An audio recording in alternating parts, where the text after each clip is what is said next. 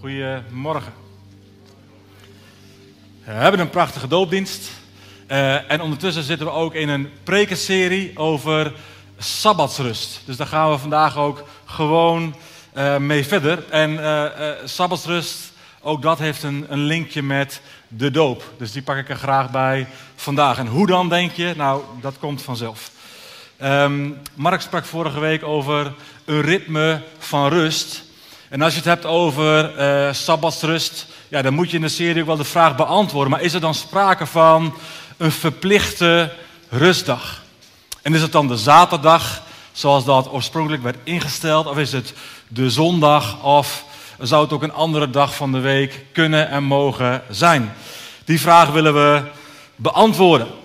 Want is de zondag zoals wij die als, als christenen hanteren, ja, is dat dan de vervanging van, de zaterdag, zoals het Joodse volk dat tot op de dag van vandaag hanteert? Uh, ja, en klopt dat eigenlijk wel? Mag dat eigenlijk maar zo? Of zou, zou dat naast elkaar moeten staan? Of zou dat misschien wel allebei moeten doen? Of toch kiezen? Nou, laten we beginnen bij het, bij het Bijbelgedeelte waar de Sabbat officieel wordt ingesteld. Als het volk Israël bij de berg Sinaï via Mozes gewoon heel veel voorschriften krijgt. Hoe te leven met elkaar, hoe te leven met God, maar ook hoe te leven voor God. Lezen het in Exodus 31 vanaf vers 12. Je kunt ook meelezen op het scherm. Daar lezen we, de Heer zei tegen Mozes, zeg tegen de Israëlieten, neem wel steeds mijn Sabbat in acht. Want elke generatie opnieuw is die dag voor mij en voor jullie een teken dat eraan herinnert dat ik, de Heer, jullie geheiligd heb. Neem de Sabbat in acht, want het is voor jullie een heilige dag. Wie hem ontwijdt, moet ter dood gebracht worden. Ieder die dan werkt, moet uit de gemeenschap gestoten worden. Zes dagen mag je werken, maar de zevende dag is het Sabbat. Een dag van volstrekte rust die aan de Heer gewijd is. Wie op Sabbat werkt, moet ter dood gebracht worden. Generatie na generatie moeten de Israëlieten de Sabbat in acht nemen en vieren. Voor mij en hen is die dag een teken van een eeuwigdurend verbond. Want in zes dagen heeft de Heer de hemel en de aarde gemaakt. En de zevende dag heeft hij gerust om op adem te komen. Elke generatie opnieuw, van geslacht op geslacht, moet de Sabbat worden gevierd. Een eeuwigdurend verbond. Dus dat roept natuurlijk wel al meteen eigenlijk misschien wel een prikkelende vraag op. Ja, maar kunnen wij dat dan zomaar aan de kant schuiven? Kunnen wij dat negeren? Nou, volgens sommige christenen ook absoluut niet die hameren nogal stellig op het feit dat we juist terug moeten naar deze instelling en dat er dan pas een overvloed van zegen zal zijn. Maar context bij elk Bijbelgedeelte is belangrijk. Dus ook hier, als hier grote woorden worden gebruikt over de Sabbat, wat is de context waarin de Heer dit ook aan het volk geeft? Hoe doen we deze verse het meeste recht? Fundamenteel is dat dit allemaal onderdeel is van de verbondssluiting van God met het volk Israël bij de berg Sinaï. Na de uittocht van Egypte. Dus de hoofdstukken hiervoor, die gaan allemaal over de voorschriften voor het bouwen van de tabernakel. De tent waar God zal verschijnen, waar hij wil wonen. En het Sabbatsgebod is, is op dit moment niet nieuw. Het is al eerder geïntroduceerd als een van de tien geboden in Exodus 20. Maar het wordt hier herhaald. Vermoedelijk om duidelijk ook te maken, nog maar een keer, dat het voor uh, het volk niet de bedoeling is dat ze ook op de Sabbat uh, gaan werken aan de tabernakel. En toch zijn de bepalingen ook wel algemener geformuleerd. Er is hier een samenhang. En in de hoofdstukken in Exodus is er een samenhang. Er is een samenhang tussen heilige tijd, de Sabbat, en heilige plaats, de tabernakel. En, en het houden van de Sabbat en het bouwen van de tabernakel. Je zou kunnen zeggen, dat zijn twee kanten van dezelfde medaille. Dezelfde werkelijkheid. Beide gaan over ontmoeting met God. De plek om te ontmoeten en de tijd om te ontmoeten. Dus het getuigenis van de, van de tabernakel eh, en dat van de Sabbat, die verwijzen beide ook naar, naar Gods heerschappij over de schepping. Dus door de tabernakel binnen te gaan, komen de Israëlieten in Gods huis. En door Sabbat te vieren, komen ze in Gods rust. Gods huis, Gods rust. En die horen bij elkaar. En een van de meest opvallende zaken in dit tekstgedeelte is dat de Sabbat hier een teken wordt genoemd. Een teken van het verbond tussen de Heer en Israël. En dat is een kernpunt, wat mij betreft. Dat zien we vaker in de Bijbel, dat er een, een teken is als de Heer een verbond sluit met iets of iemand. Dus dat uh, gaan we even checken of we dat allemaal wel paraat hebben. Wat was het teken van het verbond dat God sloot met Noach? De regenboog. Wie is daarmee eens? Wie denkt dat er een ander teken was? Nee, de regenboog. Heel goed, 100 punten. Zeggen we dan altijd thuis. Uh, wat is het teken dat hoorde eh, bij het verbond dat God sloot met Abraham? De besnijdenis. Kijk hier de eerste rij, daar wisten we. Wisten we dat achterin ook? Wie zegt, ja, dat, dat wist ik heus wel hoor, besnijdenis. Ik ben het daar nu ik het hoor sowieso mee eens. Drie mensen denken dat inderdaad de besnijdenis een teken was. Wie denkt dan dat er een ander teken was? We wisten het eigenlijk gewoon niet. Het klopt. De besnijdenis is het teken van het verbond dat God sluit met Abraham. Um, ik dacht dat dit nog een makkie was, dus ik dacht, doe ook een beetje iets, iets moeilijker nog, maar uh, ik word wat ongerust. Wat is het teken, zou je kunnen zeggen, van het verbond dat God sloot met David? Zelfs op de eerste rij blijft het nu wat stiller. Roep eens, wat zou het kunnen zijn? Salving, dat is een mooi teken, maar het is niet het teken wat ik nou bedoel. Uh, iets wat, wat. Dat? Ik kan, niet goed, ik kan het niet goed verstaan. Dus het moet af nog een keer hadden. Altijd iemand uit zijn geslacht zal op de troon zitten. Yes, het teken is een eeuwigdurend koningschap. Dat is het verbond wat God sluit met David en dit is het teken. En wat is dan het teken wat hoort bij de verbondsluiting van het volk met God bij de berg Sinaï? Tien geboden? Nee, dat is geen teken, dat zijn tien geboden. Het teken van het verbond is de Sabbat. Valt nog niet mee, hè? Man, dit was eigenlijk een soort onverwachts SO. De scholen zijn net begonnen. En er is nog wel werk aan de winkel, dat is wel helder. Eh. Dus Noach, regenboog, Abraham, besnijdenis, David, eeuwigdurend koningschap. En dat verbond bij de Sinaï, het teken is de Sabbat. De Sabbat is een verbondsteken. En dat teken dat dient om het besef levend te houden dat God de Heer is van Israël. En dat ze mogen leven tot eer van Hem. Dus de Sabbat, dat is iets heiligs voor de Israëlieten. En wie deze dag ontheiligt, ja, dat lezen we, ontvangt zelfs de doodstraf. Dat klinkt nogal heftig. Daar kunnen we ons eigenlijk in onze tijd niet echt iets bij voorstellen. Dat je op een dag dan toch een klein beetje wat doet, dat het dan zo heftig bestraft zou moeten worden. Maar het is een van de redenen waarom ze eeuwen later Jezus willen doden. Omdat hij de Sabbatsrust ja, schendt, ontheiligt in, in hun idee. Hij werkt op de Sabbat. Maar onderaan de streep, Sabbat is een teken van het oude verbond. Het verbond dat God sloot met het Joodse volk. Waarbij het logisch is dat, dat het Joodse volk dat generatie na generatie blijft doen. Tot op de dag van vandaag. Het is ook mooi om mee te maken. Ik ben ook keer met een groep. Inderdaad hebben we een sabbatsmaaltijd meegemaakt op vrijdagavond.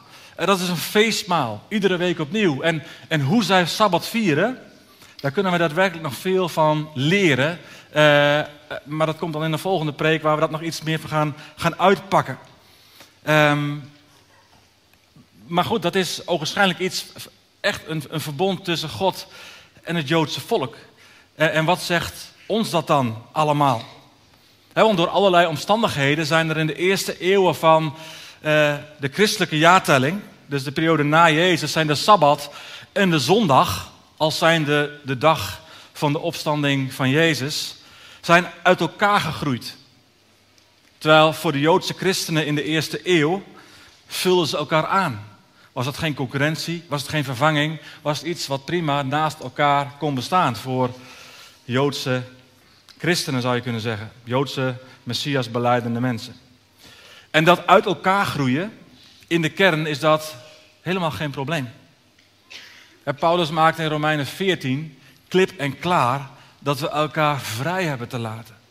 In hoe we omgaan met welke dag dan ook. Daar zegt Paulus, ja, wie bent u? Dat u een oordeel velt over de dienaar van een ander. Of het wel of niet goed is wat hij doet, dat bepaalt alleen zijn eigen Heer. En hij zal het goed blijven doen, want de Heer heeft de macht hem te laten volharden. De een beschouwt bepaalde dagen als een feestdag, voor de ander zijn alle dagen gelijk. En laat iedereen daarin zijn eigen overtuiging volgen. Wie, wie een feestdag viert, hè, wat ook de Sabbat, de Sabbat was gezien als een feestdag, die doet dat om de Heer te eren. Wie alles eet, doet dat, nou die wordt ook dik, maar dat, dat, moet je wel, doet dat om de Heer te eren. En hij dankt God voor zijn voedsel. Wie iets niet wil eten, laat het staan om de Heer te eren. En ook hij dankt God. Kern, laat wat je doet en wat je laat, op welke dag dan ook, laat het tot eer zijn van God. Laat al ons handelen en wandelen gekenmerkt worden dat het is tot eer van God. Elke dag opnieuw, of het nou zaterdag is, of zondag, of donderdag. Elke dag is bedoeld om te leven tot eer van God. En in Colossense 2, vers 16 en 17 doet Paulus er nog een, een schepje bovenop. Mede omdat hij zegt dat de Sabbat, ja, het is slechts een schaduw van iets wat nog veel groter en wezenlijker is. Paulus zegt daar, laat niemand u iets voorschrijven op het gebied van eten en drinken. Of het vieren van feestdagen, nieuwe maan en sabbat. Laat je niks voorschrijven. Want dit alles is slechts een schaduw van wat komt. De werkelijkheid is Christus. Paulus zegt, die, die ceremoniële wetten, die, die God had ingesteld ook voor het volk Israël, die, die hebben voor een groot deel hun kracht verloren. Want ze waren slechts een voorafschaduwing. Ze hadden hun eigen waarde, ook in het vooruitwijzen, maar ze waren een schaduw van dat wat, wat werkelijk is. Uh, mijn schaduw, als hier belicht is, die is hier. Maar je zegt van ja, ik zie Arjan, die zie je niet daar. Arjan zie je hier. Dit is mijn lichaam en dat is mijn schaduw. En zoals zegt van de dingen die daar ook in het Oude Testament voor een deel zijn de schaduw van het echte. Van het echte lichaam, van de werkelijkheid. En de werkelijkheid is Jezus. Het wezenlijke, de werkelijkheid is Christus. Dus in Jezus is dus de echte sabbatsrust te vinden. Want Hij is de werkelijkheid, het echte. De sabbat is een schaduw van de rust die er echt te vinden is in Jezus. En, en niet, de, niet de viering van deze feestdagen door de Joden als zodanig brengt Paulus de discussie, want het is prima dat ze de feesten vieren. Het is zelfs goed dat ze de feesten vieren en sabbat houden. Maar er kunnen zomaar de verkeerde motieven achter komen te liggen. En, en, en hij proeft een poging om de feestdagen, die ook deel zijn van dat verbond tussen God en Israël, om die op te leggen aan de christenen uit de heidenen. En Paulus zegt, maar volgens mij is dat niet de bedoeling. Want inmiddels is er een nieuwe werkelijkheid. En die werkelijkheid is Christus, is Jezus. In Jezus, daarin ga je de rust, zoals, zoals Hebreeën 4 daar ook over spreekt. Dus echte, vervulde sabbatsrust vinden we niet als we één dag in de week vrij nemen. Wat in zichzelf een hele goede zaak is. Maar echte, vervulde sabbatsrust vinden we als we ons vertrouwen stellen op het offer van Jezus. Waar het kruis van Golgotha symbool voor staat. Sabbatsrust in Jezus betekent dat wij mogen stoppen met werken. Dat wij mogen stoppen met zwoegen om maar goedkeuring van God te ontvangen. Om toch nog maar ergens het idee te hebben dat we onze genade ook maar een klein beetje moeten verdienen. Ik zie het ook zo vaak bij de doop. Oh, maar ik ben er nog niet aan toe, want ik heb mijn leven nog niet genoeg op orde. Dan ben je nog niet die rust ingegaan, die sabbatsrust die er is in Jezus. Want we hebben niks te verdienen. De doop is een uiting. Ik wil Jezus volgen. Ik wil kiezen om Hem centraal te stellen als Heer van mijn leven. En niet, ik moet eerst nog ja, mijn christelijke levenswandel op een bepaald niveau hebben en dan ben ik eraan toe om gedoopt te worden. Dat is een leugen, dat is een valstrik, want je bent nooit goed genoeg om gedoopt te worden vanuit jezelf, vanuit je eigen werk. We hebben die rust in te gaan die Jezus heeft bewerkt. Door zijn lijden, zijn dood, zijn opstanding. Dus wij mogen stoppen met ons zwoegen om maar te kunnen voldoen aan de voorwaarden die God stelt. Want dat is een soort voorwaardelijkheid. Om, om iets te verdienen, om te werken voor je genade of voor je kindschap. En dat kunnen we alleen maar ontvangen. En begrijp me goed, als het goed is, zijn we zo onder de indruk van zijn liefde en zijn genade, dat we niet anders willen dan leven naar zijn voorwaarden en zijn principes. Omdat we ook geloven dat hij goed is. En dus, ik wil heilig en rein zijn. Ik heb het een paar weken geleden van mij ook gezegd. Maar soms denk ik, we begrijpen dat nog niet. Ik wil heilig en rein zijn. Niet omdat ik aan de voorwaarden wil voldoen. Omdat ik geloof dat God goed is en dat ik zoveel ben gaan begrijpen van zijn liefde. Dat ik niet anders wil dan leven tot zijn eer. En dat ik snap, dat kan ik niet uit eigen kracht. Daar heb ik niks mee te verdienen. Het is geen verdienen als voorwaarde, het is een antwoord op genade. Op het offer van Jezus. Het werk is gedaan. Al het werk, al het zwoegen, al het lijden is gedaan aan het kruis. En wij kunnen daar niks aan toevoegen. We kunnen het als voorbeeld nemen, maar we kunnen er niks aan toevoegen. En we hoeven er niks aan toe te voegen. En de vervulling van Jezus, van de Sabbatsrust, is niet langer een dag, één dag van fysieke rust. Maar dit gaat om een eeuwigheid van geestelijke rust. Jezus is de belichaming van het nieuwe verbond. Sabbat is onderdeel van het oude verbond. Een rijk onderdeel waar we nog steeds veel van kunnen leren. Maar Jezus is de belichaming van het nieuwe verbond. In Hem vinden we geestelijke rust. En als het goed is, diepe verbondenheid met de Vader. Want met Jezus, het leven in intimiteit met Jezus, maakt dat iedere dag, als het goed is, Sabbat is. Want het gaat om een andere werkelijkheid. Waarbij het, ik herhaal het nog een keer, nog steeds een heel gezond Bijbels principe is om één dag in de week apart te zetten. Maar als we die dag die we apart zetten niet vullen met wat het wezenlijke is, Jezus zelf, dan zal het nooit de waarde hebben die het zou kunnen hebben. Je kunt wel zeggen, ik hou een dag in de week apart. Maar als die dag niet gevuld is met Jezus, dan is het een mooie dag apart. Maar dan, is het, dan gaat het je niet brengen wat de nieuwe werkelijkheid en Jezus juist wil brengen in je leven. De rust en de vrede die er is in Hem. En, en hoe we dat in kunnen vullen, daar gaan de volgende preken in deze serie meer over. Dus daar komen we nog wel echt op terug. Maar ik wil nog één verdieping aanbrengen. De Sabbat is een teken van het oude verbond. Het, volk, het verbond van het volk Israël bij de Sinaï. Nou, wat zijn dan de voornaamste tekens en symbolen van het nieuwe verbond? Waar wij onderdeel van zijn.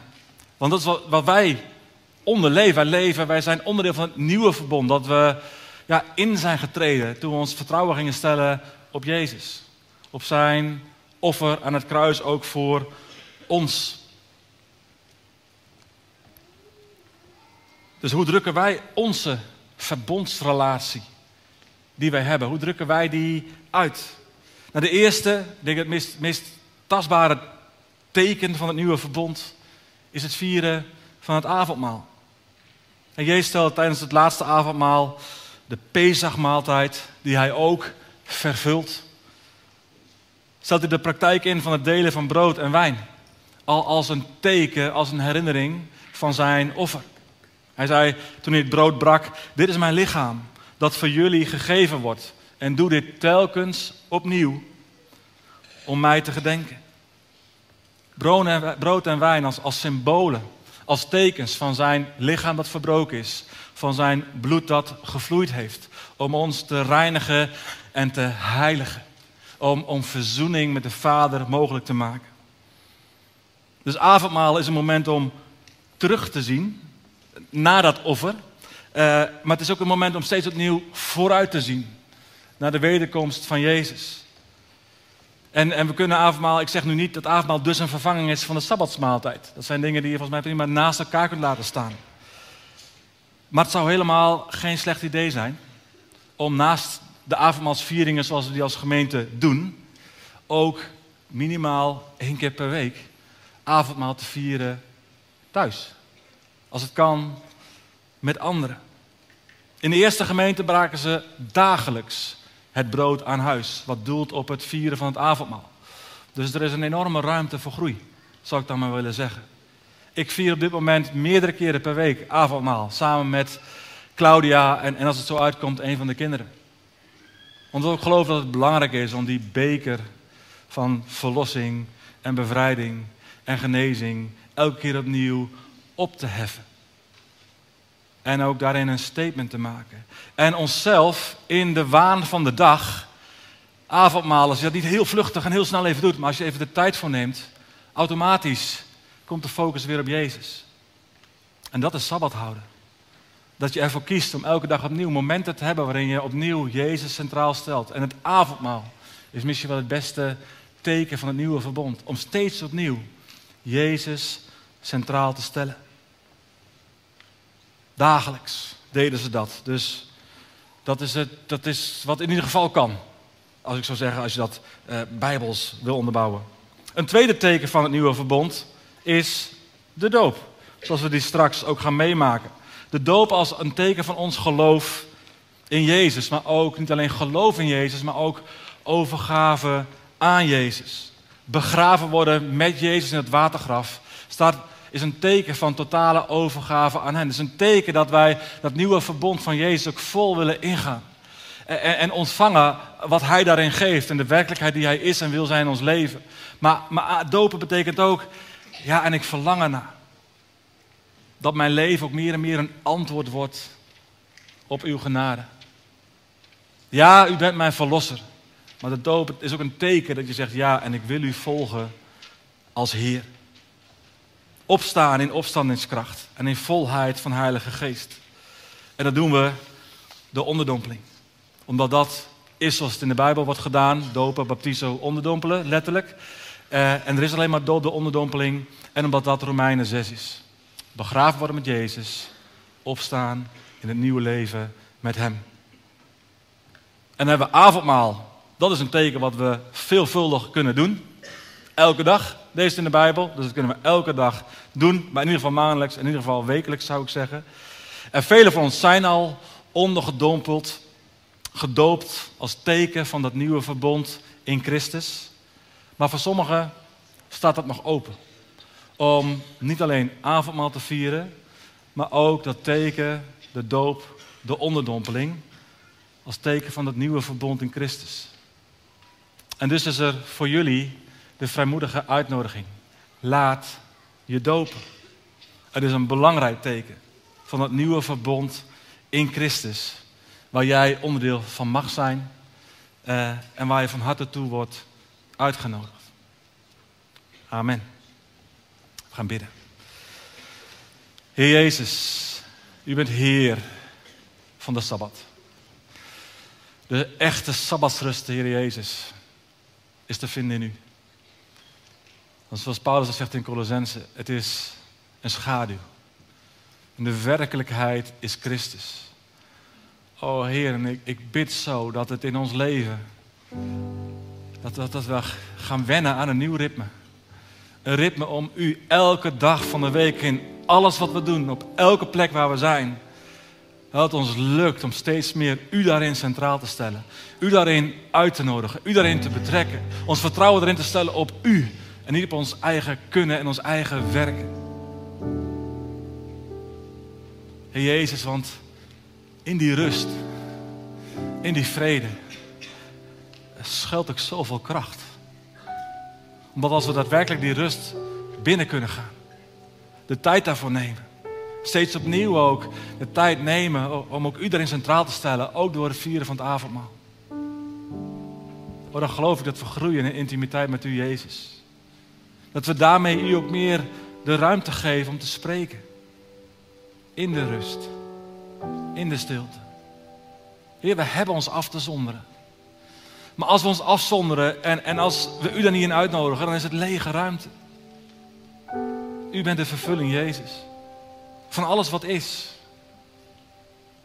En ik bid, Heer, dat als er broers en zussen zijn die nog voor die geloofsdoop staan, die doop, de onderdompeling, dat u het bent op dit moment door uw geest, dat ik overtuigd. Dat het goed is om ook dat teken van het nieuwe verbond in Christus te ondergaan. Om je te laten dopen. Je over te geven in dat watergraf. En als de Heilige Geest dat bevestigt in je hart, dan roep ik je op, wacht niet langer. Meld je aan. Laat je informeren. In Jezus' naam. Amen.